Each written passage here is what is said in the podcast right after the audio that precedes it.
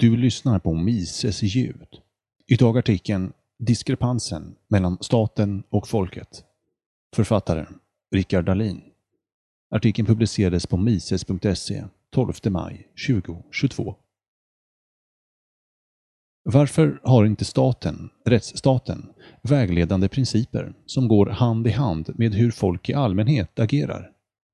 I den senaste partiledardebatten, 9 maj, blev SD anklagade för att de ville skicka hem hela familjer om barnen grovt missköter sig. Utspelet kommer i kölvattnet av kravallerna runt om i landet efter Rasmus Paludans koranbränningar.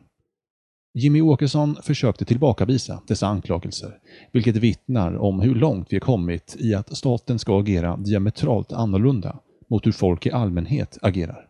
Han vågade helt enkelt inte stå för sitt eget partis förslag eftersom det kunde tolkas som rasism, som precis allt annat.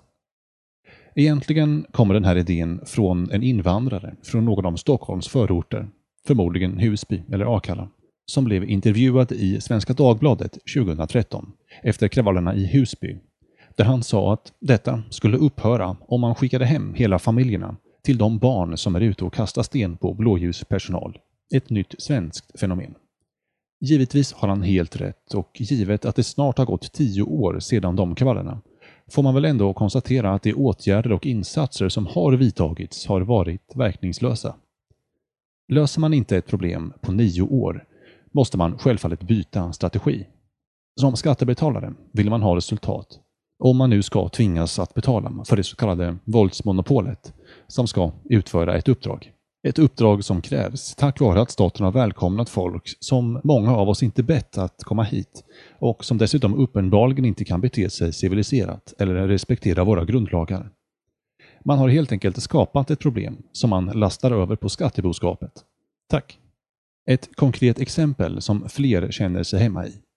Om min familj bjuder hem en annan familj vars barn lever rövare i vårt hem, har sönder saker och dessutom beter sig illa mot våra barn, kommer vi att ställa föräldrarna till svars för detta.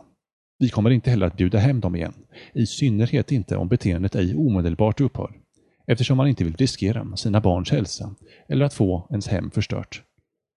Man kan säga att vi har fog för att inte bjuda hem folk vars barn agerar på ett destruktivt sätt. Sådana människor vill man inte ha omkring sig eller sina barn. Även om föräldrarna inte har gjort något fel är det deras ansvar att barnen inte sköter sig. Det är föräldrarna som borde skämmas. Och det är de man ska anklaga för vad barnen gör. När barnen sedermera blir vuxna handlar det mer om skammen att man som förälder inte har lyckats bättre än att ens 18-åring springer runt och kastar sten på blåljuspersonal. Men fram tills dess är det ett föräldraansvar. Varför ska då staten agera annorlunda när det gäller nya medborgare som inte alltid, läs i stort sett aldrig, har varit välkomnade eller inbjudna av befintliga svenska medborgare. Vad säger att staten inte ska agera i enlighet med hur folk agerar i allmänhet i de små sammanhangen? Det vill säga att man exkluderar hela familjer. Anledningen till att man inte vill ha folk i sin närhet som förstör, beter sig dåligt eller där risken att ens barn råkar illa ut är för att man alltid värnar om sin familj och sitt hem och det sina. Klyschan om allas lika värde stämmer helt enkelt inte, eftersom man alltid, under alla omständigheter, kommer att värna sina barn högre än andras barn. De föräldrar som inte gör det anser jag är mycket dåliga föräldrar. Enligt politiker kan man inte utvisa hela familjer eftersom då skulle man straffa oskyldiga. Men det är så man gör i det lilla sammanhanget. Man exkluderar. Antingen gör man det proaktivt, för att ens erfarenhet säger någonting, eller så gör man det retroaktivt, efter att man har varit med om något som gör att man måste exkludera vissa människor. Det är så här man gör på individnivå. Men när det blir kollektivt, alltså när staten ska agera, frångår man sådana principer och det får konsekvenser. Sverige är numera ett land där brottsligheten inte alls sjunker i samma takt som i resten av Europa och där allt fler känner sig otrygga. Allt det här kostar pengar. Pengar som kommer från skattebetalarnas plånböcker. Citat. One of the sad signs of our times is that we have demonized those who produce.